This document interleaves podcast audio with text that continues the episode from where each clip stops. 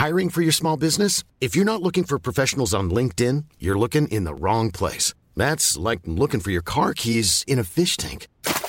LinkedIn helps you hire professionals you can't find anywhere else, even those who aren't actively searching for a new job but might be open to the perfect role. In a given month, over 70% of LinkedIn users don't even visit other leading job sites. So start looking in the right place. With LinkedIn, you can hire professionals like a professional. Post your free job on linkedin.com slash people today. Millions of people have lost weight with personalized plans from Noom. Like Evan, who can't stand salads and still lost 50 pounds. Salads generally for most people are the easy button, right? For me, that wasn't an option. I never really was a salad guy. That's just not who I am. But Noom worked for me. Get your personalized plan today at Noom.com. Real Noom user compensated to provide their story. In four weeks, the typical Noom user can expect to lose one to two pounds per week. Individual results may vary. Since 2013, Bombas has donated over 100 million socks, underwear, and t shirts to those facing homelessness. If we counted those on air, this ad would last over 1,157 days. But if we counted the time it takes to make a donation possible, it would take just a few clicks. Because every time you make a purchase, Bombas donates an item to someone who needs it. Go to bombas.com slash ACAST and use code ACAST for 20% off your first purchase. That's bombas.com slash ACAST, code ACAST.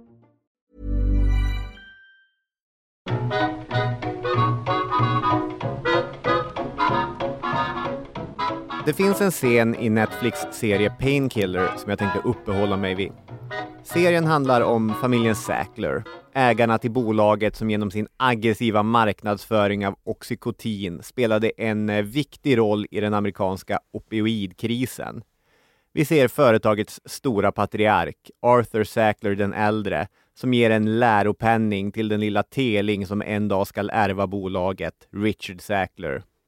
Vet du vad ett arv är? frågar han. Men han använder det engelska uttrycket legacy. Vi talar alltså inte om pengar, utan om status, om ryktbarhet, om allt sådant. Och för att förklara vad han menar berättar han om en svensk kemist som uppfann dynamiten. Do you understand what a legacy is? No. How about this? Do you know who invented dynamite? It was this Swedish chemist, and he made a fortune off it. More money than he knew what to do with. One day, when he was still very much alive, the newspaper ran his obituary by mistake. They called him a merchant of death. In fact, it was his brother who died, but when he picked up that paper and saw his life's work spelled out in front of him, he was horrified. This is what my life has been. This is what I'll be known for death and bombs and murder. That day, he changed his will. He donated his fortune to establish a prize honoring the most brilliant people on the planet. So today, nobody knows Alfred Nobel as a merchant of death. All they know is the Nobel Peace Prize. That his legacy. Det, det är ett arv. Jag vet inte, vad ger vi den historieskrivningen i betyg? För helt vansinnig är den ju inte. Alfred Nobel dödsförklarades i europeiska tidningar av misstag när hans bror gick bort. Och det eftermäle som där målades upp var inte positivt. Vi kanske ska prata mer om det i avsnittet. Men det testamente som slutligen ligger till grund för Nobelpriset, det skrevs senare. Det är ett kort litet dokument skrivet på ett anspråkslöst papper från Enskilda banken om jag kommer ihåg rätt. Och om vägen fram till det avgörande pappret finns det ingen enkel berättelse. För även om Nobel la grunden för ett annat slags arv, en annan slags legacy, från att vara dödens handelsman till den stora filantropen. När nyheten om Nobels testamente läckte i media så möttes det av en vild blandning där hurrarop hördes exakt precis samtidigt som anklagelser om landsförräderi, eller bara ren dumhet. Han var dum! Och det passar ju alldeles utmärkt idag, på Nobeldagen, att vi tar chansen att berätta om den man och det testamentet som fört oss dit där vi är idag, om Alfred Nobels pris. Daniel Hermansson, han har hämtat sin frack och jag har, precis som Bob Dylan, klistrat in lite text från internet i ett Word-dokument som jag tänkte läsa högt. Morkullorna och tryffeln ligger på tallriken, redo att serveras. Nu blir det fest!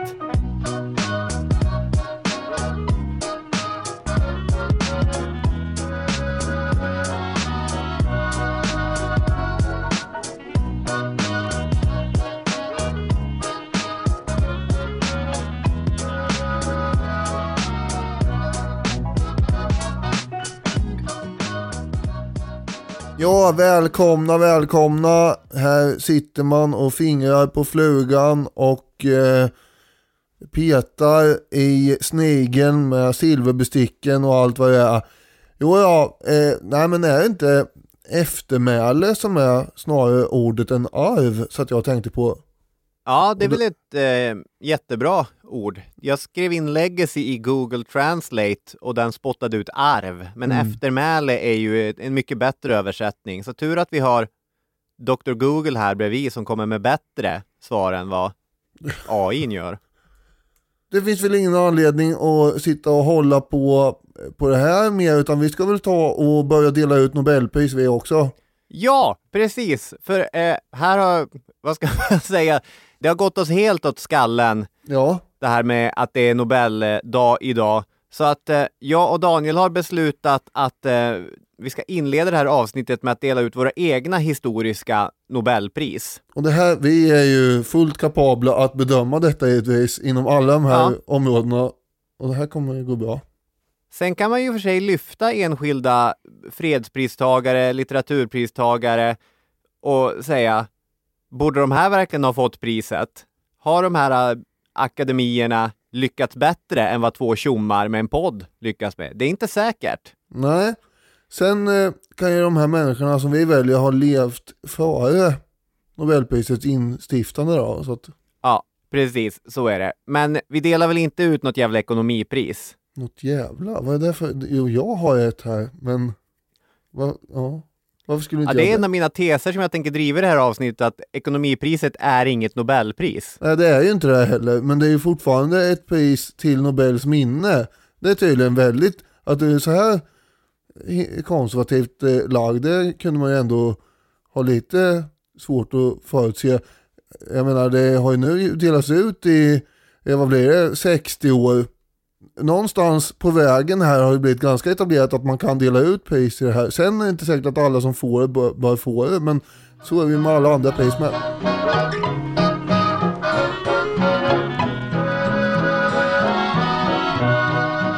Vilket pris vill du börja med? Vi kan börja med fysik. Ja.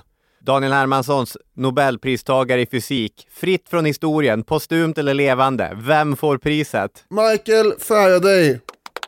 Eftersom jag gillar elektricitet och han inledde processen att göra elektricitet användbart på riktigt så att säga.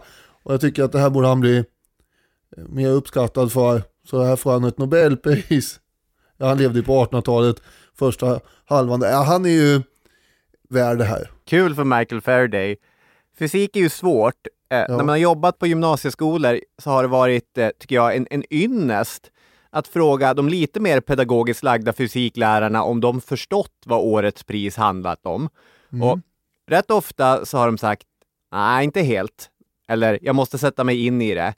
Men ibland har jag fått jättebra förklaringar och just där och då förstått vad det handlat om, men sen inte lyckats ta med mig den förståelsen vidare i livet. Det är ungefär som när man vaknar upp efter en dröm då. Du Exakt. kommer ihåg vagt vad det handlar om och sen är borta eh, till, till frukost. Jag tänkte därför ta chansen att utse en vinnare som aldrig fick priset, mest på grund av hur tid fungerar, men eh, vars insats till fysiken ändå är mycket begriplig och mycket viktig. Kul att Isaac Newton får Nobelpriset i fysik. Det tycker jag ändå är mycket rimligt. Välförtjänt. Ja, och ja. Så det var ju skönt att någon av oss gav det till honom. Men eh, också bra att vi fick in två pristagare här nu. Så är det ju. Ska vi gå vidare till kemin då? Ja, då är min pristagare helt enkelt Eva Ekeblad. För det att hon är, hon är svensk och, och sen att man gillar när folk löser vardagsproblem som hur man ska förvandla potatis till sprit och sånt. Just det, och till stärkelse. Och, ja, det här var ju en något oväntad pristagare och det är ju för sig eh, det är ju en av de eviga debatterna om att det är för få kvinnor som har prisats, framförallt i de naturvetenskapliga grenarna. Så jättekul för, för Eva Ekeblad. Ja, grattis! Jag har valt eh, också lite grann av en indie-pristagare. Det här var en man som försökte bryta med antiken, som sa att vi kan inte bara hålla på med Aristoteles och, och Galenos i tid och evinnerlighet. Tyvärr trodde han lite för mycket på magi för att eh, idag kallas annat än alkemist snarare än kemist. Men han är en pionjär som menade att eh, man ska ju för fasen samla empiri genom att studera olika ämnens egenskaper. Och det är ju vad kemi handlar om till mycket. Så kul för Paracelsus från första halvan av 1500-talet att få lite erkännande för sin gärning. Hade han fel i mycket? Ja, han hade fel i mycket. Men jag prisar honom för metod, inte teori. Ja men det här är också väl värt att applådera tycker jag. Kul för Paracelsus som annars eh, lätt hamnar i, eh, vad ska man säga, vetenskaplig skugga med tanke på att han hade fel konstant ja. Ja, jag trodde lite för mycket på magi. Och det är ju, det är ju lätt hänt. Sen har vi då medicinpriset. Det blir Alexander Fleming. Penicillin är oslagbart alltjämt skulle jag hävda. Vad har vi för år på Fleming då? 1928, så att eh, i alla fall eh, då han kom på det. Sen fick han väl inte Nobelpriset just då, utan det var mer, Så det, det blir ett andra Nobelpris till Fleming då? ja, men så kan det vara. Ja. ja, det är ju välförtjänt. Jag har gått ifrån forskningen här och istället valt att titta till hur praktisk applicering av saker och ting kan påverka medicin och fysiologi. Vad händer på ett krigssjukhus om man insisterar på förbättring av vatten och avlopp, allmän sanitet och kvalitet och omvårdnad av sina patienter? Ja, då sjunker dödligheten från 50-60% till 2% Vi har initiativtagaren till den moderna sjuksköterskan, knappast en osjungen hjälte, men en människa vars insats är påtaglig. Florence Nightingale får medicinpriset, Nobels pris i medicin och fysiologi. Kul, grattis till de här båda. Ja, död 1910, så hon hade faktiskt eh, kunnat få priset på riktigt om man hade prioriterat det. Och det är väldigt svårt för mig att uttala mig i frågan. Jag har suttit på Wikipedia och klickat på de här farbröderna som vann de första nio prisen. Och eh, då verkar alla ha varit toppen. Det är mycket bakteriologer och, och sådana som gjorde viktiga saker. Ja, det är mycket forskning här det handlar om snarare. Hennes eh, grej är metod, eller vad man ska säga. Att det ska vara rena lakan och sånt. Ja. Sen när jag läser om dansken som vann 1903 för sin forskning om UV-strålars positiva inverkan på hudtuberkulos, då funderar jag ändå om, var det så oerhört starkt pris just det året? Jag är inte helt säker på det. Nej, så kan det ju vara. Nu ser jag mycket fram emot att få höra Daniel Hermanssons litteraturpris. Det här har man ju gått och, och väntat på. Ja men det blir ju, det är Franske Bengtsson. jo, det är ju, motiveringen. det finns ingen motivering. Det är rent subjektiv prisutdelning det här. Det är ju det som har varit mest viktigt för, för mig. Det, jag skiter väl i alla andra. Det, Frans G Bengtsson ska ha ett Nobelpris i litteratur här. Det får han nu på stumt av mig. Ja. Mo- Motiveringen är väl då eh, som sagt att han har en eh, snillrik penna och formuleringsförmåga och en skrivarglädje som är oerhört inspirerande och eh, att eh, han var en glad och kul kille också. Ja, absolut. Och i och med att han kom från Norden så passar han ju mycket väl in som en hyfsat tidig Nobelpristagare i litteratur också. Mm. Ja, och mitt eh, litteraturpris går till en eh, person som aldrig själv fick motta priset, men som definitivt på riktigt skulle kunna fått det. Och det är en person som har skänkt mig och den här podden mycket genom lika delar historieintresse och just berättarglädje. Ja, Han samlade på manuskript. Han nämner varken sin nya eller gamla fru vid namn en enda gång i sin självbiografi. Lotte och Fredrike hette de. Och han har förevigat bilden av ett kosmopolitiskt och judiskt Europa som nazisterna sen rev sönder genom sin vedervärdiga världsbild. Det är Stefan Zweig som får Nobelpriset i litteratur. Det ju väldigt otippat. Men inte oförtjänt. Nej, det... Fast inte mer förtjänt än Frans G Bengtsson. Jag skulle ändå säga att Stefan Zweigs Det här är ju gärning, väldigt subjektiva uppfattningar vi håller på med nu, så ja, Ja. du får säga vad du vill. det är ju en av dem som var Europas största författare, eller en av Europas största författare under mellankrigstiden. Ja, det är det. Det håller jag med om. Ja. Jag tror inte vi tänker på samma person där. Fredspriset! Ja, eh, ja det är Dag Hammarskjöld eller Klaus von Stauffenberg. Ja, det, det är ju en liten... du, får, du får ju bestämma en. Ja, precis, just det. Ja, det är ju, det är väl, blir väl eh, Hammarskjöld då, det är ju ändå fredspriset det handlar om och Stauffenbergs största gärning är att spränga bomber. Så att, eh, Ja. men, men du förstår vad jag menar här. Dag Hammarskjöld, han fick eh, fredspriset postumt 1961. 1948 så fick ingen Nobels fredspris. Vet du vad det beror på, Daniel? Nej. Att den tilltänkta pristagaren hade mördats. Jag tycker att det är lite sniket att man inte gav honom priset postumt. Mahatma Gandhi. Mhm. Så du ger ut det till honom då? Jag tycker att Gandhi är värd ett fredspris. Mm. Och sen får Bertil Ohlin ekonomipriset eftersom han blir snuvad på begreppet keynesianism. Ja, och det här tycker jag är... Jag blir jätteglad av att du säger det här. För 1968 så accepterade Nobelstiftelsen ett förslag från Per Åsbrink, som då var riksbankschef, att man skulle lägga till ännu ett Nobelpris i ekonomi då. Och Riksbanken skulle stå för kostnaderna, men priset fick ju det lite knöliga namnet Sveriges Riksbanks pris i ekonomisk vetenskap till Alfred Nobels minne.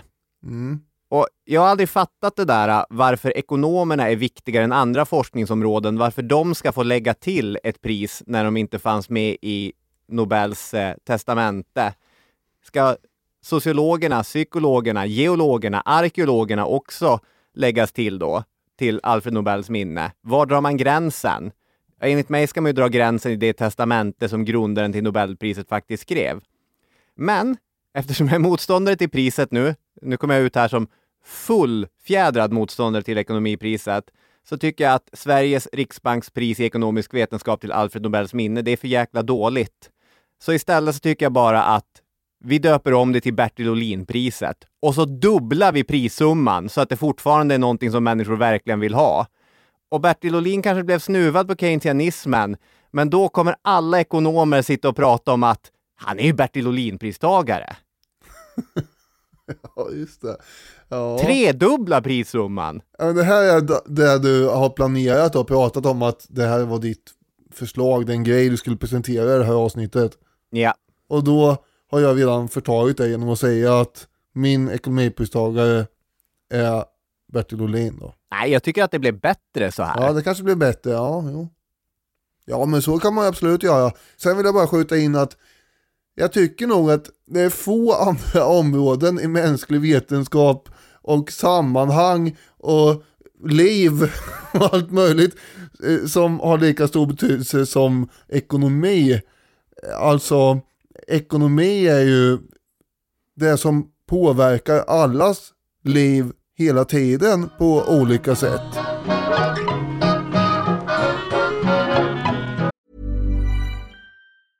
Hiring for your small business? If you're not looking for professionals on LinkedIn, you're looking in the wrong place. That's like looking for your car keys in a fish tank.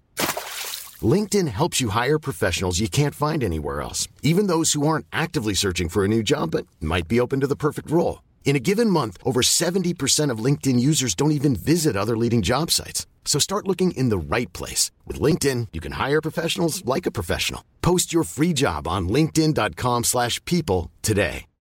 Millions of people have lost weight with personalized plans from Noom, like Evan, who can't stand salads and still lost 50 pounds. Salads, generally, for most people, are the easy button, right? For me, that wasn't an option.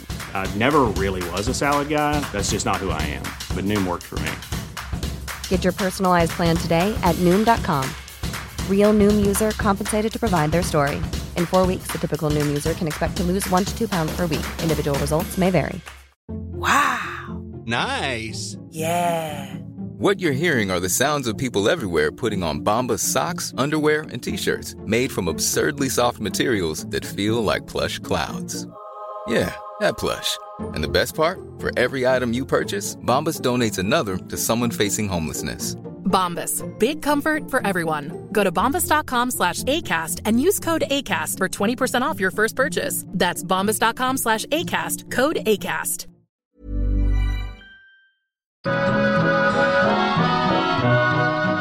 Någon annan gång ska vi ha Alfred Nobel i livet, levande och sprakande, men 1896, då är han död. Kanske är han den kändaste svensken genom alla tider. Men han har också varit något av en flyttfågel. Som nioåring hade han flyttat med sin mamma och sina bröder till Ryssland. Han reste under sin uppväxt till Paris eller till New York och sen hem igen för att bygga bolaget.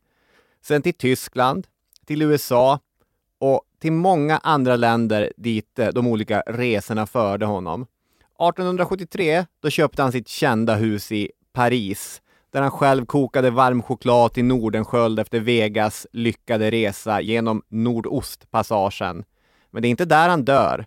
Han dör i San Remo, Italien, dit han flyttat 1890 efter att det inte har trivts så bra i, i Paris. Och i samma veva hade han också köpt Bofors kanonverkstad och färdigställt Björkborns herrgård i Karlskoga. Fint ställe, jag var där på utflykt en gång. När han dog där den 10 december 1896 så var han då 63 år. Han var ju som bekant eh, kemist och affärsman. Familjen Nobel hade byggt upp en eh, vad ska man säga, vapenproduktionsbolag i Sankt Petersburg. Framgångarna har ju då varierat genom åren här, men hans två bröder är ju också miljonärer när de eh, tar ner skylten. Och grejen är då att Alfred har alltså lyckats forska fram säkrare varianter på sprängmedel, vilket i slutändan blir dynamit. Och när han dör så är han ägare till 93 fabriker i 20 länder och har en enorm förmögenhet på idag 2 miljarder kronor i dagens penningvärde. Men han mm. har inga barn och eh, det finns ingen konkret då alltså att testamentera det här till. Men däremot ett gäng brorsbarn mm. och, och, hans bröder har ju dött före honom då. Den yngre brodern Emil omkom ju i en explosionsolycka redan 1864 och var bara 20 år gammal då. Sen var det brodern Robert som hade dött tidigare på året 1896. Han hade tre barn. Och eh, Alfreds andra bror hette Ludvig. Och eh, hans eh, barn eh, höll då på under ledning av Emanuel Nobel att leda företagets verksamhet i Ryssland. Det finns en rysk gren av familjen Nobel och en svensk gren av familjen Nobel, kan man lite grovhugget ja. säga. Det kan man säga. Det är ju framförallt då eh, Alfred Nobels bror Ludvig och hans barn som håller på i, i um, Ryssland. Och eh, de återkommer väl till eh, mer någon gång kanske. Men eh, Emanuel kommer tillbaka mer i det här avsnittet också. Mm. Och Emanuels pappa då, alltså Ludvig, han eh, hade ju då dött 1888 i Cannes. Och du spelar ju det här klippet i början och eh, sådär från den här serien och jag vet att du menar att det inte är så enkelt som det presenteras där men det är ju ändå en bra historia. Ja, det är en jättebra historia. Och den är inte helt, alltså det är ju sant de här felaktiga mediauppgifterna. Ja, precis. Det är ju så och det måste ju då ha påverkat Alfred förstås. Tänk att du får reda på din egen brors död genom att tidningen blandar ihop dig med honom. Mm. Och, och rubriken om vad tidningen tror är din död lyder ju då Dödens köpman är död. Och man bara jaha, eh, oj. Och så slår man upp tidningen där och i artikeln beskrivs det hur din livsbana har genererat uppfinningar som inneburit citat nya sätt att lemlästa och döda. Och det här var ju ingen snällt tolkad artikel oavsett. Eh, för som Alfred själv har konstaterat Ingen kan förvänta sig att ett effektivt sprängmedel kan göras tillgängligt för den breda allmänheten utan förluster av människoliv. Nej, precis. Och så är det och jag menar, dynamiten revolutionerade ju byggindustrin också, järnväg och gruvor och, mm. och liksom den breda industriella utvecklingen hänger ju tätt samman med dynamiten. Ja, så att det är mycket gott som har kommit ur det här också förstås.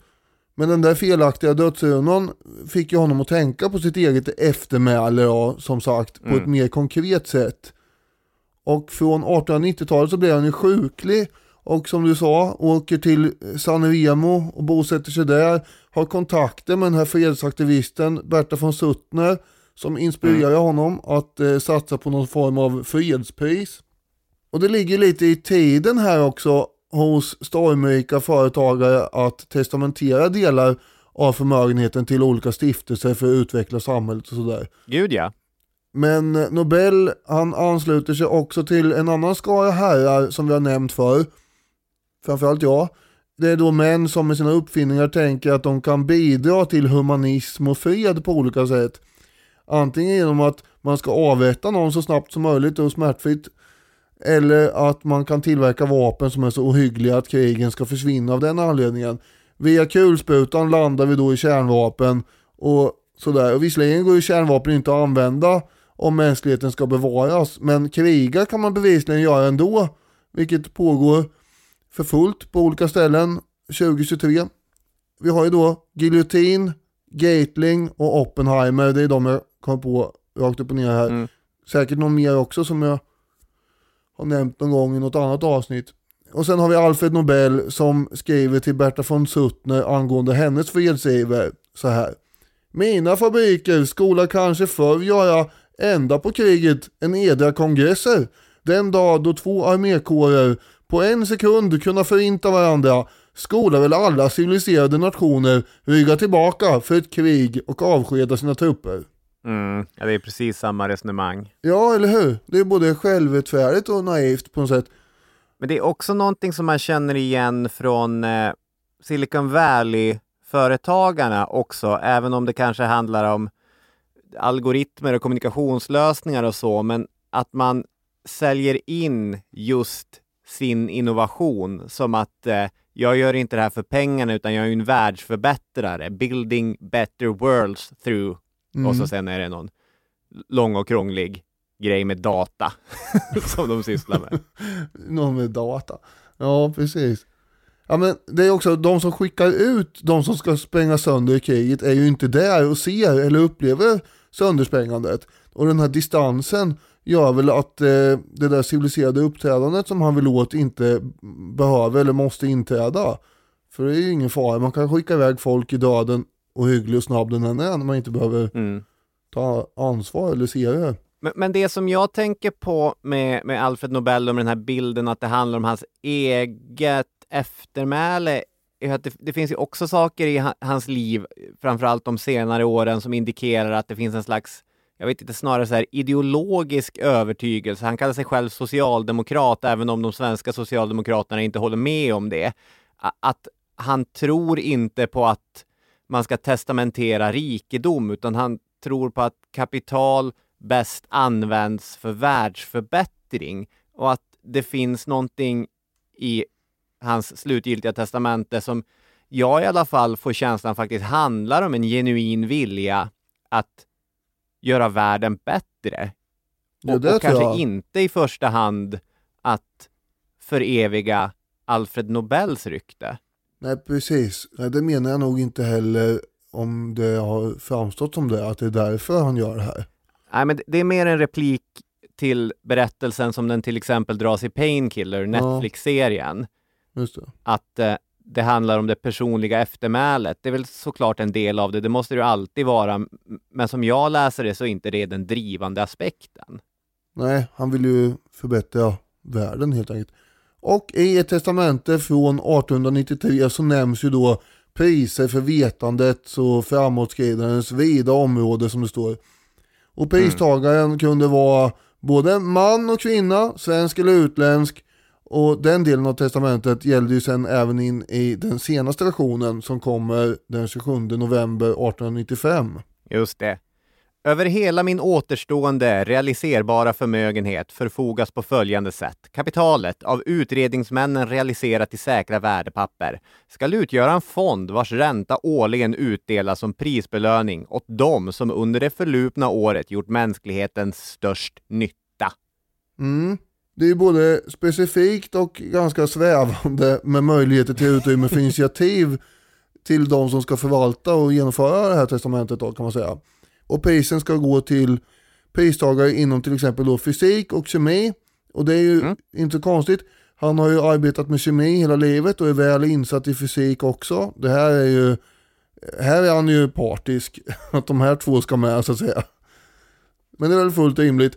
Sen har vi medicin som också ska delas ut och det är då Karolinska institutet som ska dela ut det här. Tidigare så är det Vetenskapsakademin som delar ut inom fysik och kemi. Men han, har- han har ju då haft en väldigt dålig mage eh, och eh, det har då genererat ett intresse för medicinska frågor. Hur gör man egentligen med den här magen så att man inte ska gå runt och ha ont i den hela tiden? Och eh, han stöttar ju då till exempel Ivan Pavlovs undersökningar av matsmältningsprocesser och sådär och var någon form av mecenat till honom.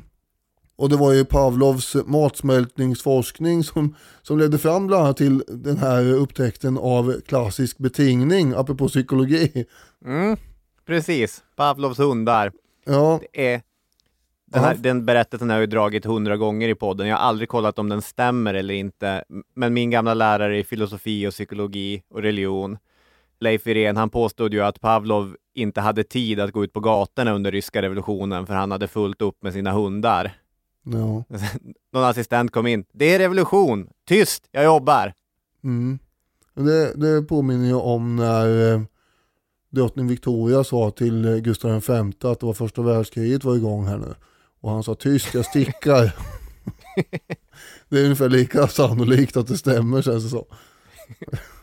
Ja, hur som helst, Pavlov fick ju faktiskt Nobelpriset 1904 för forskning om bukspottkörteln då, inte den här klassiska betingningen, för det finns ju inget psykologipris. Nej. Och om litteraturpriset står det då i testamentet att det ska gå till den som inom litteraturen har producerat det utmärktaste i idealisk riktning. Mm. Vilket är en jävla formulering. Ja, det är en jävla formulering. Och den som ska dela ut det här priset det är ju då Akademin i Stockholm. Ja, det är också en jävla formulering. Ja, för det här gav ju huvudby. Bara, Vilken akademi? Han kan, Ja. väl, han kan väl för tusan inte ha menat Svenska Akademin, för de vet ju inget om det här. ja, det, det där blev ju debatt om. Ja, precis, den kommer vi ju till. Men nej, det är ju jätteroligt. Och man fick gå till massa vittnen som fick intyga att ja, men det var så Alfred kallade Svenska Akademin. Det var akademin i Stockholm. Det är de han menar. Han hade ju som ung drömt om att bli författare och läste ju mycket och ofta. Mm. Och slutligen, den som bäst har eh, verkat för fred och förbrödring ska få pris av Stortinget i Norge för Mm. detta. Och ehm, han hade ju ett passionerat intresse för fredsfrågor som sagt. Vilket då delvis beror förmodligen på den här korrespondensen med von Suttner som jag nämnde innan. Mm. Det är ju intressant också, i testamentet så står det ju att det, det ska handla om förbrödrande, minskning av stående arméer samt bildande och spridande av fredskongresser. Så I testamentet är det ju ganska specifik vad det faktiskt handlar om.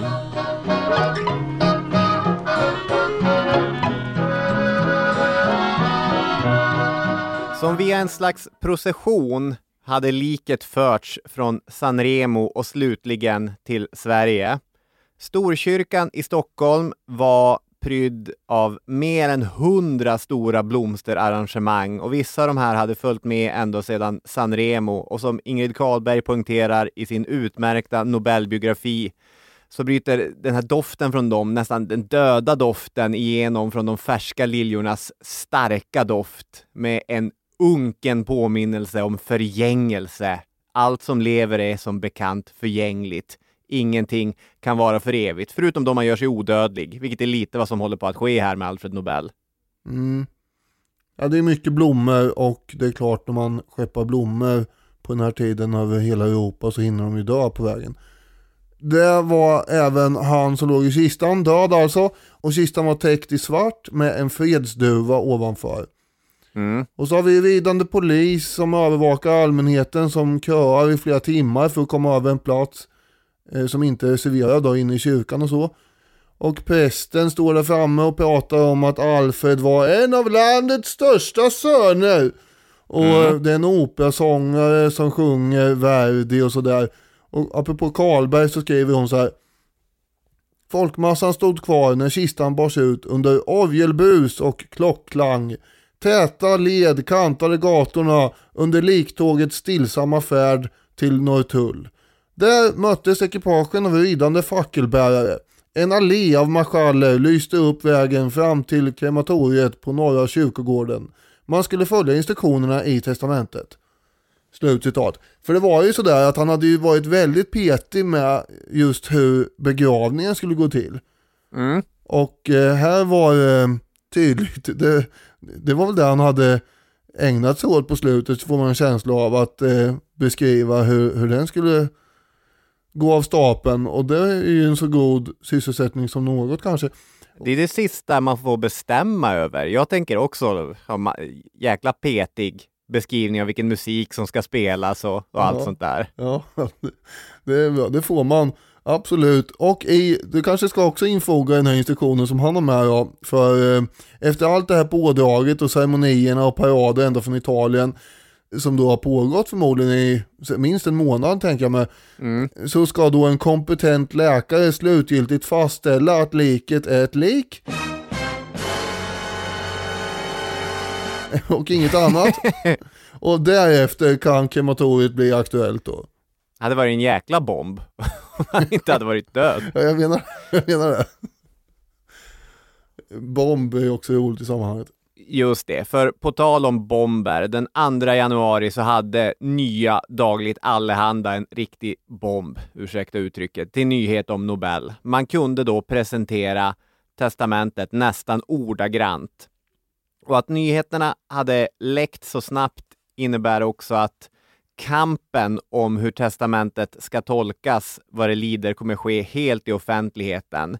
Men för Nya Dagligt Allehandas läsare var det givetvis spännande, nästan obegripliga nyheter. Här är ett till citat från Karlberg. Hon skriver att texten slog ned som en bomb. Donationens storlek var ogripbar för de flesta som försökte följa tidningarnas överslagsräkningar. Alfred Nobels samlade förmögenhet uppskattades till 35 till 50 miljoner. Av dessa skulle tydligen minst nio tiondelar tillfalla fonden och de fem Nobelprisen. Siffror bollades och landade på svindlande 150 till 200 000 kronor per pristagare, motsvarande minst 20 årslöner för en genomsnittlig professor. Det betydde enligt vissa beräkningar att varje enskilt Nobelpris var värt dubbelt så mycket som franska vetenskapsakademins totala årliga prissumma. Det här är vansinniga prissummor. Och underbara, är det, är det franska vetenskapsakademins priser som man pratar om nu för tiden? Nej, det, Nobelpriset är ju mer känt. Och det är fortfarande så att det är mycket pengar i ett Nobelpris. 11 miljoner kronor kommer de som eh, idag infinner sig för banketten att få med sig hem, swisha till sitt konto, inbillar jag mig.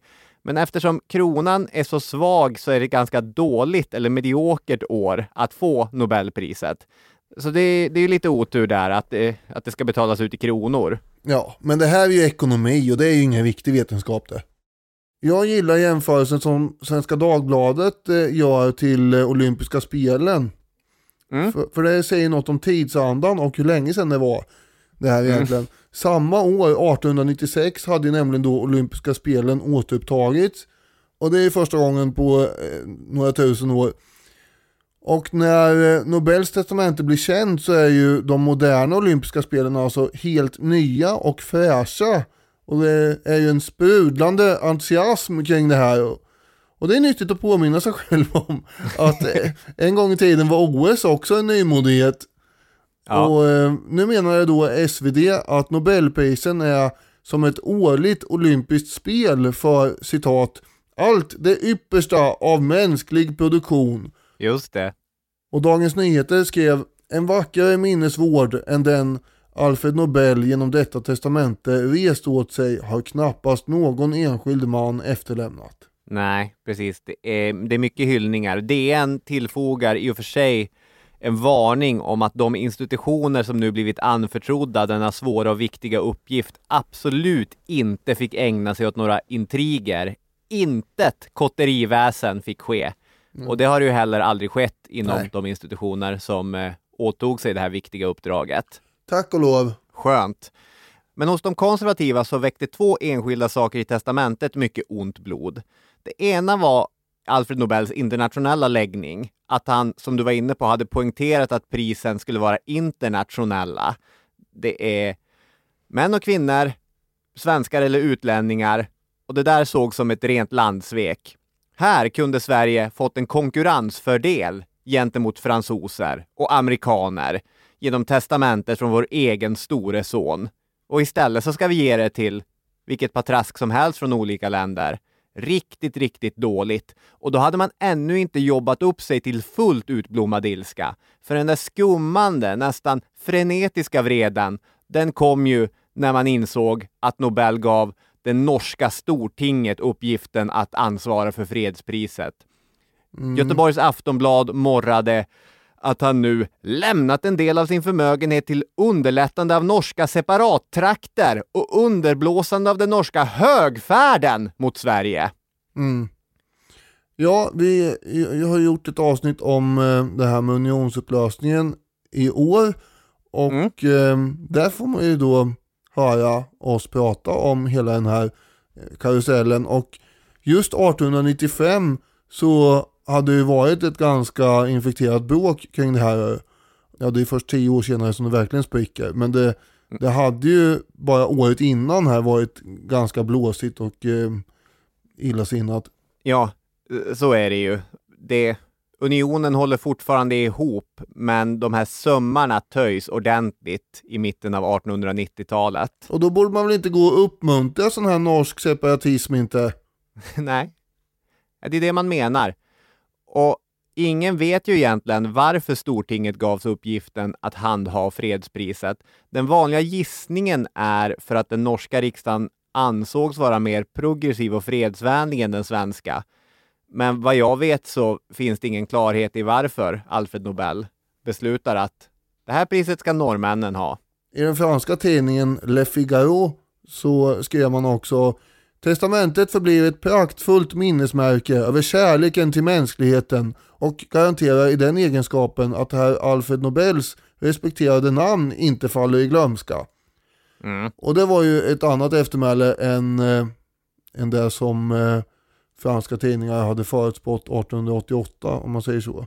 Från Socialdemokraterna i Sverige kan vi gå till hövdingen Hjalmar Branting som i rörelsens egna tidningar beskrev Nobels initiativ som en storartad välmening, men ett storartat missgrepp.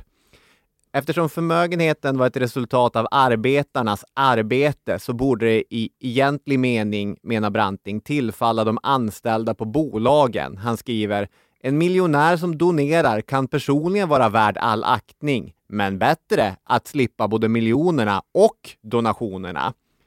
Och det där är väl en övning i ideologi från Brantings sida.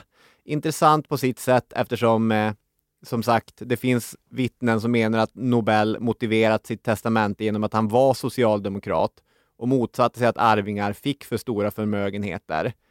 Men eh, ja, här har Branting och Nobel i så fall olika syn på vad det är att vara socialdemokrat. Men mer intressant och kanske mer tidlöst är Brantings känsla av what the fuck över att Svenska Akademin av alla grupper skulle ansvara för litteraturpriset.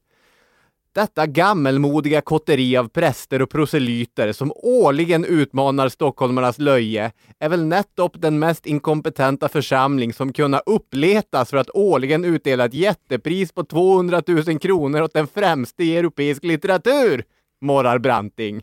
Ja. Och här är han ju rolig. Jo, det är han ju. Det är ju mer kul än att han eh, gnäller över att eh, det ska delas ut priser överlag. ja, ja, så är det. Det är ju lite, lite sniket. I testamentet så hade ju Nobel namngett vilka som skulle bli eh, testamentets exekutorer. Och det var ju då vännerna Ragnar Solman och Rudolf Liljeqvist. De ska sköta det här sa han. Och Nobel mm. hade i och för sig eh, då själv spekulerat i att eh, ja, Rudolf han kanske inte kommer ha så mycket tid. Så det blev väl mest Ragnar som får hålla på och fixa med det. Och så blev det också, det var ju Solman då. Och mm. den här eh, generalkonsuln, generalkonsuln i Paris också, som heter Gustav Nordling. Och eh, nu kommer då Ragnar Solman att åka till Paris och träffa Nordling för övrigt och börja inventera ägor och lösöre och så. Och det tar ju sin Mm. tid att fixa med det här förstås. Haken är att om det hela drar ut för mycket på tiden så kan ju då Nobels tillgångar i Frankrike riskera att förloras för testamentet. Om de franska myndigheterna skulle börja hävda att Nobel på något sätt juridiskt hörde hemma i Frankrike. Ja, för det där är ju en av utmaningarna att eh, Alfred Nobel hade ju inte varit mantalsskriven någonstans sedan han som barn flyttade från Stockholm. Så det är allt annat än självklart inom vilket lands juridiska system som testamentet ska behandlas. Det är en av de stora frågetecknen. Det gäller att knyta honom till Sverige här nu kan man säga. Ja, det vill de göra. Eh, Innan vi går vidare i den processen så vill jag bara säga någonting om Ragnar Solman. Han var ung, vad är han här, 26, 27, på sin höjd 28. Kemist, men också kommersråd från en inflytelserik familj. Sonen Rolf Solman har vi nämnt några gånger i podden eftersom han var ambassadör i Sovjetunionen under kalla krigets inledningsfas. Men det är ju eh, en annan berättelse. Varför det är intressant att eh, nämna att eh, Ragnar Solman var, var ung, det är att han mitt under hela den här eh, persen med Nobels testamente blir inkallad till militärtjänst. Och då får han eh, infinna sig där vid Kungliga livregementet och det är någon slags upprop där en kapten går och dundrar det ena namnet efter den andra. Så stannar han vid Solman. Är du son till den Solman som har att göra med det Nobelska stärbhuset? säger kaptenen. Och då får Solman fint förklara att nej, det är, in, det, är jag, det är inte någon pappa, det är jag. Det är jag som har hand om det där. Och det tycker kaptenen är, är väldigt förvirrande, men han, han inser ju att det är ett viktigt värv. Ja. Att eh, han ser till att fixa en kontorsplats med telefon till Solman. Så att eh, om det är så att han behöver gå iväg under någon övning eller någonting. Du, du har ett kontor där, där du kan ringa. Det, se så, det blir bra. Ska den här spolingen hantera alla de här miljarderna? Exakt.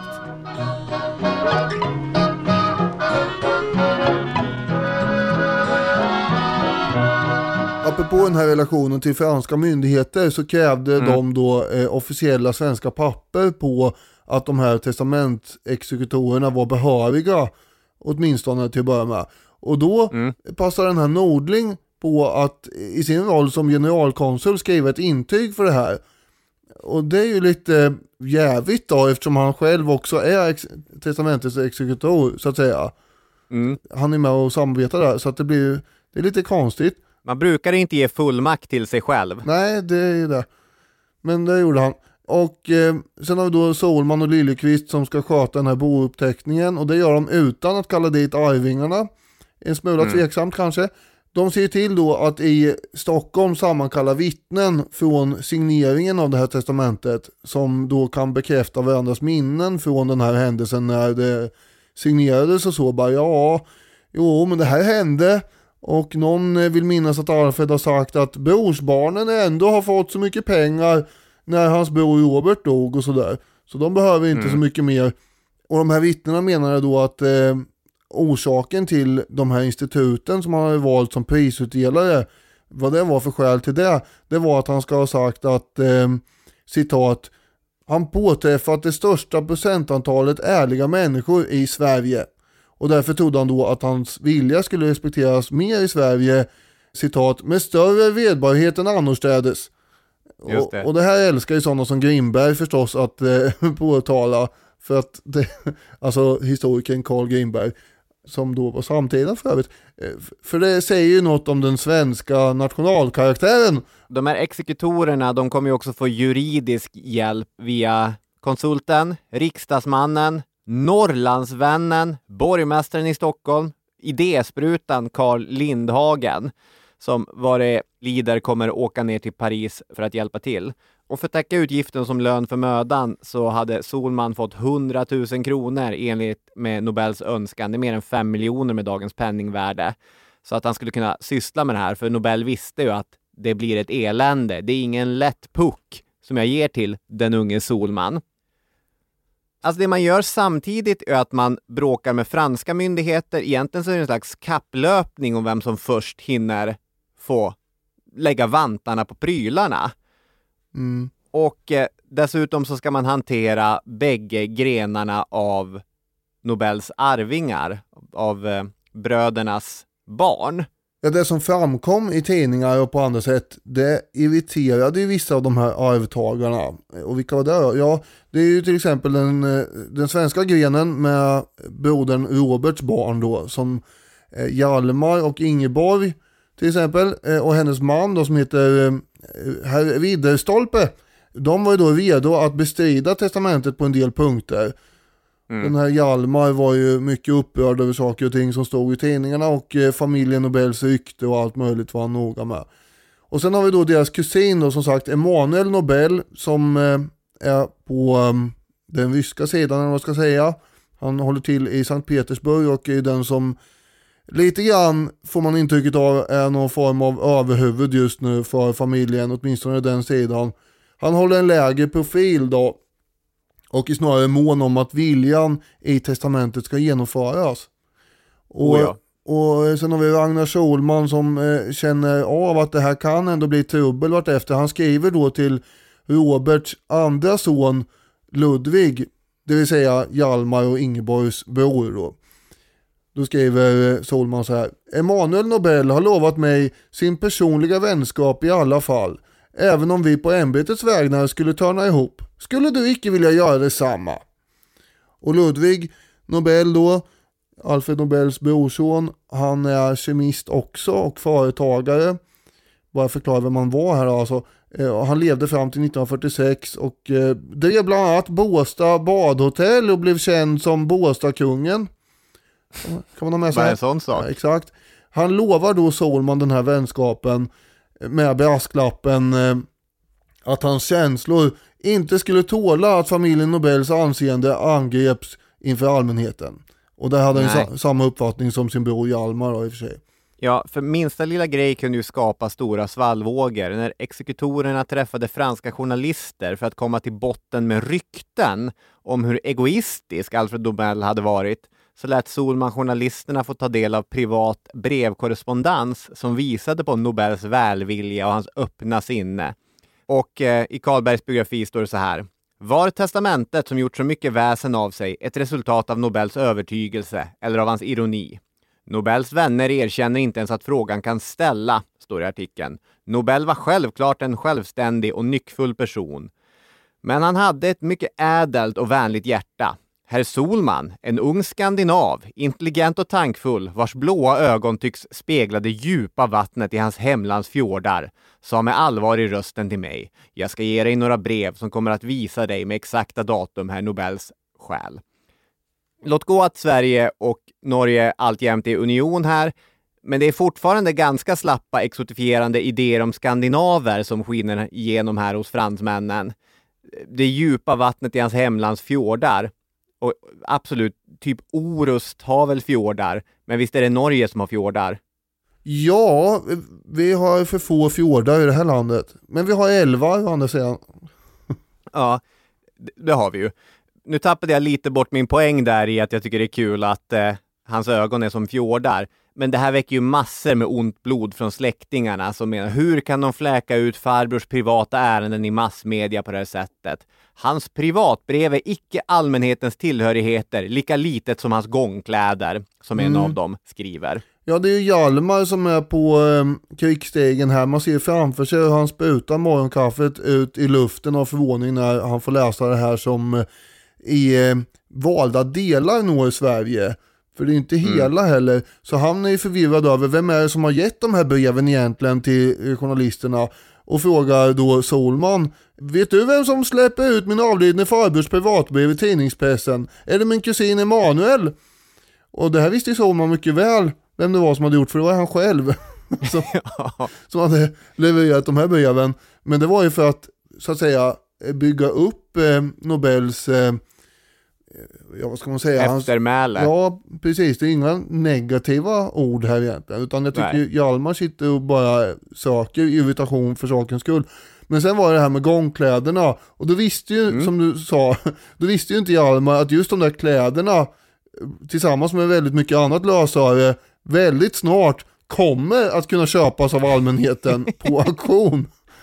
Så den ilskan kunde jag ha sparat på tills den blev aktuell, för det blev den. I mars 1897 så hålls ju då sista mötet för den här franska bouppteckningen. Och det är inga släktingar närvarande där heller när beslutet om auktion på allt bohag i villan på Avenue Malakoff tas då. Och eh, ja, man bjuder ju visserligen in då släktingarna och arvtagarna att komma till Paris via brev. Man säger att nu får ni komma hit och ta det ni vill ha och så vidare. Eller så får ni skicka brev och säga vad ni vill ha. Och då kommer det lite brev i alla fall. Den blivande mm. Båstadkungen till exempel, Ludvig, han skriver ju glatt att ni får gärna ropa in de där bordsbesticken med pärlemoskaft och guldmonogram, de vill ha. Och, och sen skriver han citat Farbror Alfreds käpp, som han alltid begagnade, eh, vore trevligt att erhålla. Ja. Det här tycker både jag och du är, är väldigt roligt Ja. och lite gulligt. Ja det är det ju. Att de har så bra koll på vissa av de här tillhörigheterna. Ja, men man fattar, han gick väl ofta med den där käppen och det är något som knöts till honom. Det är ju, det är ju typiskt sån sak som man ska ärva. Någonting som har personligt, liksom ett affektionsvärde. Ja, det, det är inga konstigheter. Ludvig och Hjalmars syster Ingeborg däremot, hon tar ju hastigheten i allt det här ganska hårt. Mm. Och tänker att nu, vi hinner inte med här, de kommer kränga allt och lite så är vi också. Så hon skriver, förvisso finns det mycket i det bo där jag så många gånger bott, varmed jag gärna skulle vilja krydda det egna hemmet. Men nu är det väl redan för sent för att kunna rädda ens en del därav. Men om det gick att rädda något, skriver hon vidare, så skulle hon gärna vilja rädda den här persiska mattan som hennes pappa hade gett till Alfred. Och förresten så hade väl Alfred en sån där sälskinnspäls också som hon gärna kunde tänka sig. Det är så roliga grejer. Det var väl en jättefin sälskinnspäls, får man anta. Och angående den här farbror Alfreds kläder så vill hon absolut inte tänka på att de skulle auktioneras ut. Likt en simpel torpares. Den här svenska grenen då, som kommer ifrågasätta testamentet på flera punkter, de har ju ett problem, vilket också framkommer i diskussioner med familjens juridiska ombud, en viss professor Ernst Trygger, senare svensk statsminister. Och som Trygger poängterar så kan man inte gå för hårt åt testamentet eftersom den allmänna opinionen var att eh, det här är ju en väldigt bra sak. Ja. Nobelpriset verkar vara toppen. Man kan inte gärna vinna en PR-kamp genom att gå ut och säga att vi ska ha alla pengar själv. Nej, det kan man inte göra. Men Trygger kommer också med rådet att eh, helt självklar juridisk grund står det ändå inte på. Och det här börjar man briefa media om, eller det är så att Ernst Trygger, han skriver anonymt tre långa texter som publiceras i tidningen Vårt Land. Där ifrågasätts testamentets legalitet. Och till exempel flera av de institutionerna eller akademier som ska senare dela ut pris tycker att det här är ganska obehagligt. Ska vi dras in i någonting som kanske inte ens är lagligt? Men då har vi Carl Lindhagen som är juridiskt ombud på andra sidan som vässar sin penna och så sen så skriver han två stycken långa, också anonyma texter som publiceras i Dagens Nyheter som hävdar den raka motsatsen, att det är hur lagligt som helst. Och där drar Lindhagen till med de, alltså arvingarna, måste vara försedda med bra tjock hud för att kunna löpa sin lina utan att känna sig skamfilade. Men vare sig de sedan falla på mjuka sedelbuntar eller krossade illusioner stenröse, ett står fast, vad de vinna hjälterykte, vinna de ej därpå. Alltså att de- kanske landar på sten eller på mjuka buntar sedlar, men något, något hjälterykte får de inte med sig härifrån. Nej, Till sist så blev det, kan man säga, återigen den ryska sidan av släkten som ansvarade för att saker och ting lugnade sig. Alltså Emanuel Nobel, hans agerande är ju delvis ganska imponerande, för bland annat så blir han i Stockholm uppkallad till kungen Oscar II som kokar just över att norrmännen ska dela ut det här fredspriset. Och enligt Emanuel Nobel själv så ska kungen ha sagt till honom att Alfred låtit sig påverkas av fredsfantaster och särskilt fruntimmer. Oj. Men eh, även inför Oscar II så var Emanuels eh, ingångsvärde att vi får respektera testamentet.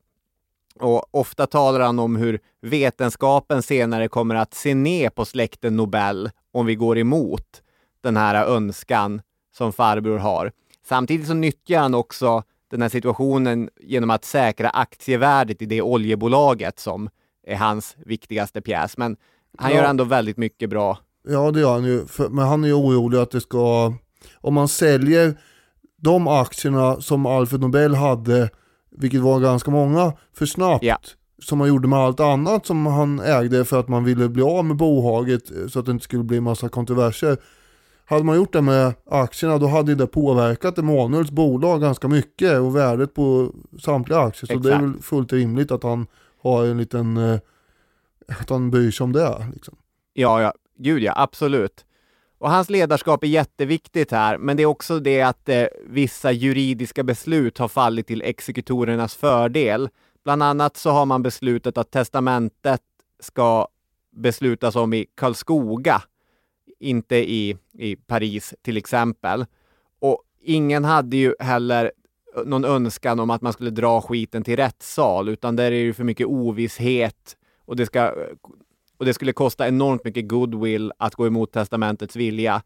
Så alla vill väl till sist förhandla fram någon slags förlikning. Och det gör man också. Ungefär 6% av Alfred Nobels förmögenhet skulle tillfalla den svenska grenen. En enorma pengar såklart, men det var inget som på allvar hotade omfattningen. Utan exekutorerna lyckas ju väl med det här stora och svåra problemet. Jag tänkte läsa Karlbergs sammanfattning om Solman. Ragnar Solman var bara 28 år gammal och egentligen ovan att hantera både ekonomi och juridik. Alfred Nobel hade lagt en nästan omöjlig uppgift på hans späda axlar. Men precis som donatorn förutsett hade den fjunige kemisten blivit den drivande kraften under hela den dramatiska processen. Ragnar Solman hade löst den svåra uppgiften med lika delar uthållighet, kreativitet och mod. Det var på goda grunder som Alfred Nobel kallade honom en av sina få älsklingsmänniskor. Så det verkar som det ska bli pris trots allt.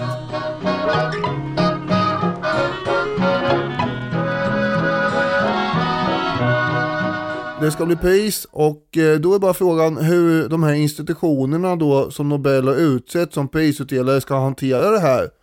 Och det är, ju, det är ju inte ointressant. Vetenskapsakademin och eh, de andra här inser ju att eh, här kommer nog familjen ha en del åsikter. Det var det som var ingångsvärdet så därför hade man då avvaktat tills allt det här juridiska var klart. Och där gav de ju också förstås då en viss eh, tid att smälta och fundera på vad är det nu som förväntas av oss här. Det, för det var ju inte bara glada miner och jublande lyckorop här bland de här prisutdelarna som man skulle kunna tro. Vetenskapsakademin de tycker att det är problematiskt att man ska dela ut ett pris som bygger på arbeten från föregående år. Mm. För det kan ju ta ett bra tag egentligen då innan man förstår värdet av en upptäckt eller uppfinning så att säga. Det är ju slarvigt skrivet också, om man, speciellt för att komma från en vetenskapsman, alltså nya rön kan vara felaktiga. Mm. Om priset ska gå till den som mest förtjänar det så måste man hela tiden se till det långa perspektivet. Men det har man ju löst genom att helt enkelt inte ge det till den personen som har gjort störst nytta under det förlupna året. Nej precis, man ska vara vid liv när man får priset, så är det ju. Ja, det är väldigt få som har fått det postumt. Men teoretiskt sett kan man få priset när man lever och sen hinna dö innan man får själva priset och då dras det inte tillbaka. Vet jag. Nej, nej. Jag vet inte om det har hänt så att det teoretiskt. Hur som helst, norska stortinget de tog ju glatt emot den här uppgiften och hyllade Nobel som en sann fredsvän och så. Ja. Men eh, sen har vi Dagens Nyheter då som ifrågasätter Svenska Akademin och det gjorde ju Branting med som du nämnde innan. Var de verkligen kompetenta nog att klara sitt uppdrag här? Och det undrar ju vissa inom Svenska Akademin också när det här förslaget blir känt på våren 1897. För vad är det Svenska Akademin gör? Jo, de vårdar det svenska språket. ja. Vi har väl ingen erfarenhet av världslitteratur heller? Och det hade de inte. och eh, bland annat då ledamoten Hans Forsell, han menar ju att akademin kommer förvandlas till någon form av kosmopolitisk litteraturtribunal. Ja, det hade han ju rätt i. Ja. Nej, alltså akademin är ju kul. Först vill jag bara infoga att det som Vetenskapsakademin och KI gör är att de får ju del av pengarna för att eh, inrätta Nobelinstitut. Ursprungligen med vaga formuleringar om att vi måste ju kunna testa vetenskapen hos olika föreslagna pristagare, men rätt snart så blir de ju bara fria, fina forskningsinstitut. Och inget fel med det heller. Det är ju jättebra att vi har Nobelinstitut. Men just akademin är ju speciellt intressant eftersom den är ju så gustaviansk. Mm. Bråkig, mossig, verkligen olidligt gustaviansk ibland. Kungen, han avsåg att de aderton, en siffra han landade i för att han gillade hur eh, ålderdomlig klang det hade redan på 1700-talet, skulle Ja. bestå av vittra författare, lärde och herrar. Men här får man ju ge honom rätt ändå, kungen, att eh, det är ju det är en vacker ton i siffran 18. Ja, och sånt var han bra på. Mm. Verkligen. Det finns också en, eh, ett, det här är inte något sponsrat inslag, men det finns ett antikvariat vid Odenplan som heter där, där jag brukar stå och hänga i flera timmar. Ja, där ser man. kan, ja. Herrarna, alltså adeln, de försvann ju snabbt från akademin och i närtid har det faktiskt varit ganska få lärde i akademin, alltså akademiker, även om balansen är lite bättre idag. Vi har både jurister, språkvetare och litteraturhistoriker som sitter på stolar längre. Men akademin överlevde, oväntat skulle vissa säga, det gustavianska enväldets fall. Och med tiden så börjar man placera människor som Geijer och Tegnér och Atterbom och de här stora skalderna där. Och där satt de med evighetsprojektet som var kvar från Gustav III, den svenska ordboken. Och så hade man ett antal priser som delades ut till svenska författare. Men det var ju en grupp som hade förbaskat svårt att hänga med i sin tid. Det är ju därför Hjalmar Branting kallar dem proselyter. Tänk andra halvan av 1800-talet med sin demokratisering, sina folkrörelser, hela sin samhällsomvälvande framåtrörelse och med sin kultur i kraftig omstöpning. Och tänk sen då att sedan mitten av 1880-talet så leds Svenska Akademin av Karl David af Wirsén som ständig sekreterare. Eh, Vi kan läsa om hans insats som kritiker till exempel i Nationalencyklopedin. Då står det som litteraturrecent i Post och Inrikes Tidningar från 1880 och i Vårt Land från 1886 kunde han under många år med pondus ge uttryck för en reaktionär och småskuren litteratursyn och därmed motarbeta den framväxande litteraturens utveckling. Så ledaren för den grupp som ska ansvara för litteraturpriset har en reaktionär och småskuren litteratursyn.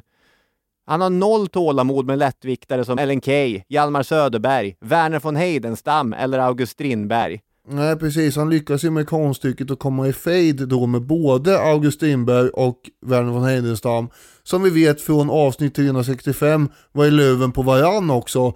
Och, och då lyckas han alltså då positionera sig så att han är osams med båda de här ytterlighetsherrarna. Och det är ju en bedrift i sig. Mm. Det låter lite som skryt här nu, men jag läste faktiskt en dikt av eh, Karl David av Wirsén här för eh, någon vecka sedan bara. Så att det, ja, Ja. nej, utan det, ja, det du att var, det var en bra dikt? ja, det, Advent heter den och eh, är i en sån här eh, samlingsmagasin om julgrejer som man köper på Pressbyrån. Ja. Så det är inte så att jag suttit med någon tummad läderomslagen bok här och, suttit och läst. Nej. Jag läste faktiskt också en dikt av honom av ren slump bara för några veckor sedan som var en, en fruktansvärd pekoral han skrev till Bodens ära i och med att eh, man skulle inviga fästningen där. Ja. Den har jag inte stött på. Eh, Men advent känner jag då till nu och eh, jag kommer mest ihåg att ordet advent återupprepas ganska många gånger. Det var väl inte min största läsupplevelse, nej. Men eh, Wirsén, han tyckte ju inte om den moderna litteraturen heller kan man ju säga. Det är väl därför han inte Nej. gillar de här levarna. Men däremot så ser han ju ganska klart på vad Nobelpriset är för något och hur det kan gynna akademin.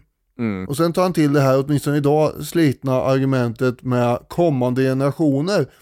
ett ganska behändigt eh, folkslag som går att använda som slagträ eftersom de Ja. så sällan uttalar sig när argumentationen pågår om man säger.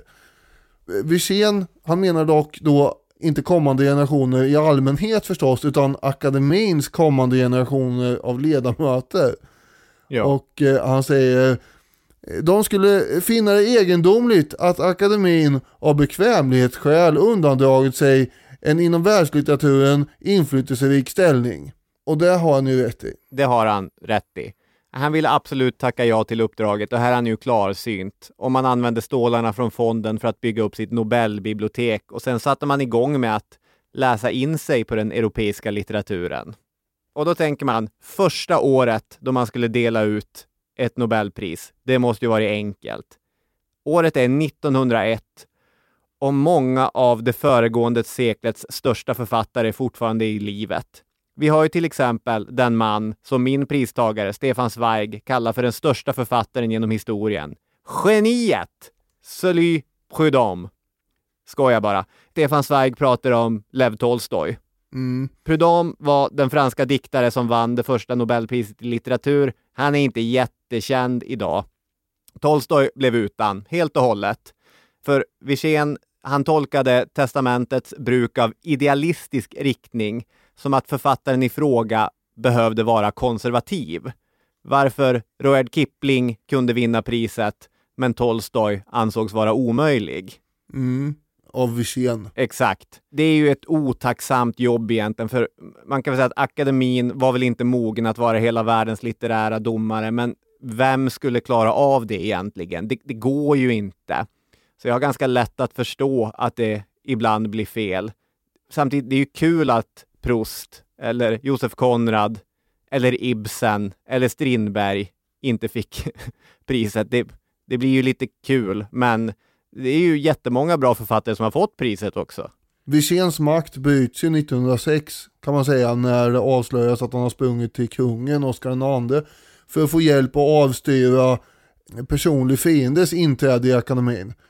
Ja. Och, och eh, det där var ju inte populärt att han skulle hålla på och gnälla hos kungen. Och sen är han också häftig motståndare till att Selma Lagerlöf ska bli pristagare förstås. Men, men då bestämmer akademin att eh, hon ska få det. Och eh, då kan alltså kvinnor få pris med tydligen. Och han känner sig överkörd och trasig och en av ledamöterna skrev Över hela hans person låg något matt och kraftlöst som väckte medlidande och manade till skonsamhet mot honom. Även när man tyckte att han kunde ha gått av att någon gång höra sanningen. Han är väldigt, väldigt kränkt. Eh, och eh, han dör 1912 och då går hans stol över till en av hans värsta rivaler, nämligen Verner von Heidenstam. Ja. Ibland är det tufft. Det kan vara motigt i livet. Ja. Och i döden. De här testamentesexekutorerna, de eh, hade ju då samlat representanter för alla de här prisutdelarna. Och eh, de hade väl ätit många frallor med ost och tomat antar jag, druckit massa kaffe i pappmuggar runt de här konferensborden. Och eh, samtidigt har ju då Solman kanske stått och ritat upp förslag på stadgar på en whiteboard eller möjligen en svart griffeltavla med krita. Hur som helst så eh, det, det där vet vi inte exakt hur det gick till, men man kan tänka sig att det var så. Det hölls i alla fall 20 sammanträden på tre månader och det är ganska många möten då med alla de här. Mellan mitten av januari till slutet på april 1899. Och resultatet blev då Nobelstiftelsens grundstadgar där det ingår de här fyra prisutdelarnas statuter. Just det. Och i de här stadgarna så ingår det att en ganska stor del av avkastningen på fonden får användas av prisutdelarna själva. Alltså inte så att de får åka till franska rivieran och roa sig, men att man då kan grunda sådana här Nobelbibliotek och Nobelforskningsinstitut och grejer. Just det. Hyra bra lokaler för verksamheten. Ja, som eh, att köpa ett centralt hus i Oslo till exempel. Och anställa folk som kan bena ut vilka kandidater som är aktuella för till exempel ett fredspris och sådär. Just det. Avslutningsvis då så är det ju idag lite roligt att läsa om den kritik som Nobel mottog, postumt då, från eh, framförallt den nationalistiska högern, att det var ett slags landsförräderi. För i själva verket så finns det väl ingenting som har gjort lika mycket för Sveriges internationella rykte och aktning som just Nobelpriset. Och visst, ibland får man skämmas. När Svenska Akademin imploderar, då får man skämmas. Eller när norrmännen får för sig att ge fredspriset till Barack Obama. Men överlag så är det ju någonting att känna stor stolthet över, tycker jag. Världens blickar riktas mot Stockholm och Oslo för att hedra människor som i sin diktning lärt oss nya saker om livet eller visat oss hur man klipper i DNA-koden eller luskat ut varför människor får magsår eller hur vår interna klocka fungerar eller hjälpt tusen och åter tusen kvinnor i krigets Kongo och så vidare och så vidare och så vidare. Det är fint. Nobelpriset är fint. Och där har ni min slutsats att, att det är fint. Mm. Det är klart att det kan uppstå sådana här eh, motsägelser när män med makt, som det ofta är, det är ofta män, ska prisas för att de avslutar någonting som de kanske har varit med och påbörjat. För de är ju med och åtminstone bidrar till att förbättra situationen. De är kanske en del av problemet men de är också en del av lösningen. Vill åtminstone de som delar ut fredspriset mena. Och det har de väl varit då i de lägen de har fått fredspriset. Tänker jag. Ja, ja absolut. Även om Barack Obama just är väldigt svår att fatta som sagt. Det håller jag med Ja. Slutligen måste vi bara avrunda med vad säger Grimberg? Vad säger Grimberg? Vad säger Grimberg? Vad säger Grimmis? Om Alfred Nobel då. Det var en man, fallen för det djärva och storslagna.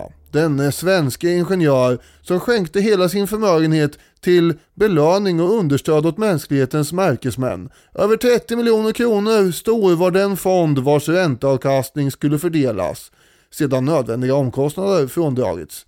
Nobel trodde på mänskligheten, på att sanning skulle gå till seger och bringa människorna lycka.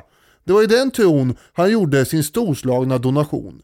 Han var genomträngd av den uppfattningen att rikedomen förpliktar och han kände förpliktelse även mot de många vetenskapens trogna arbetare som går hela sitt liv och uträttar storverk till mänsklighetens fromma men ofta själva lider nöd. Och det ville han då eh, åtgärda Nobel här och det har eh, Grimberg sammanfattat på ett mycket elegant sätt här tycker jag. Det var ta mig fan det finaste jag hört sedan jag konfirmerades. Verkligen. Och med det sagt så tackar vi så mycket för att ni har varit med oss den här söndagen. Tack så mycket. Vi hörs om en vecka. Det gör vi. Hej! Hej!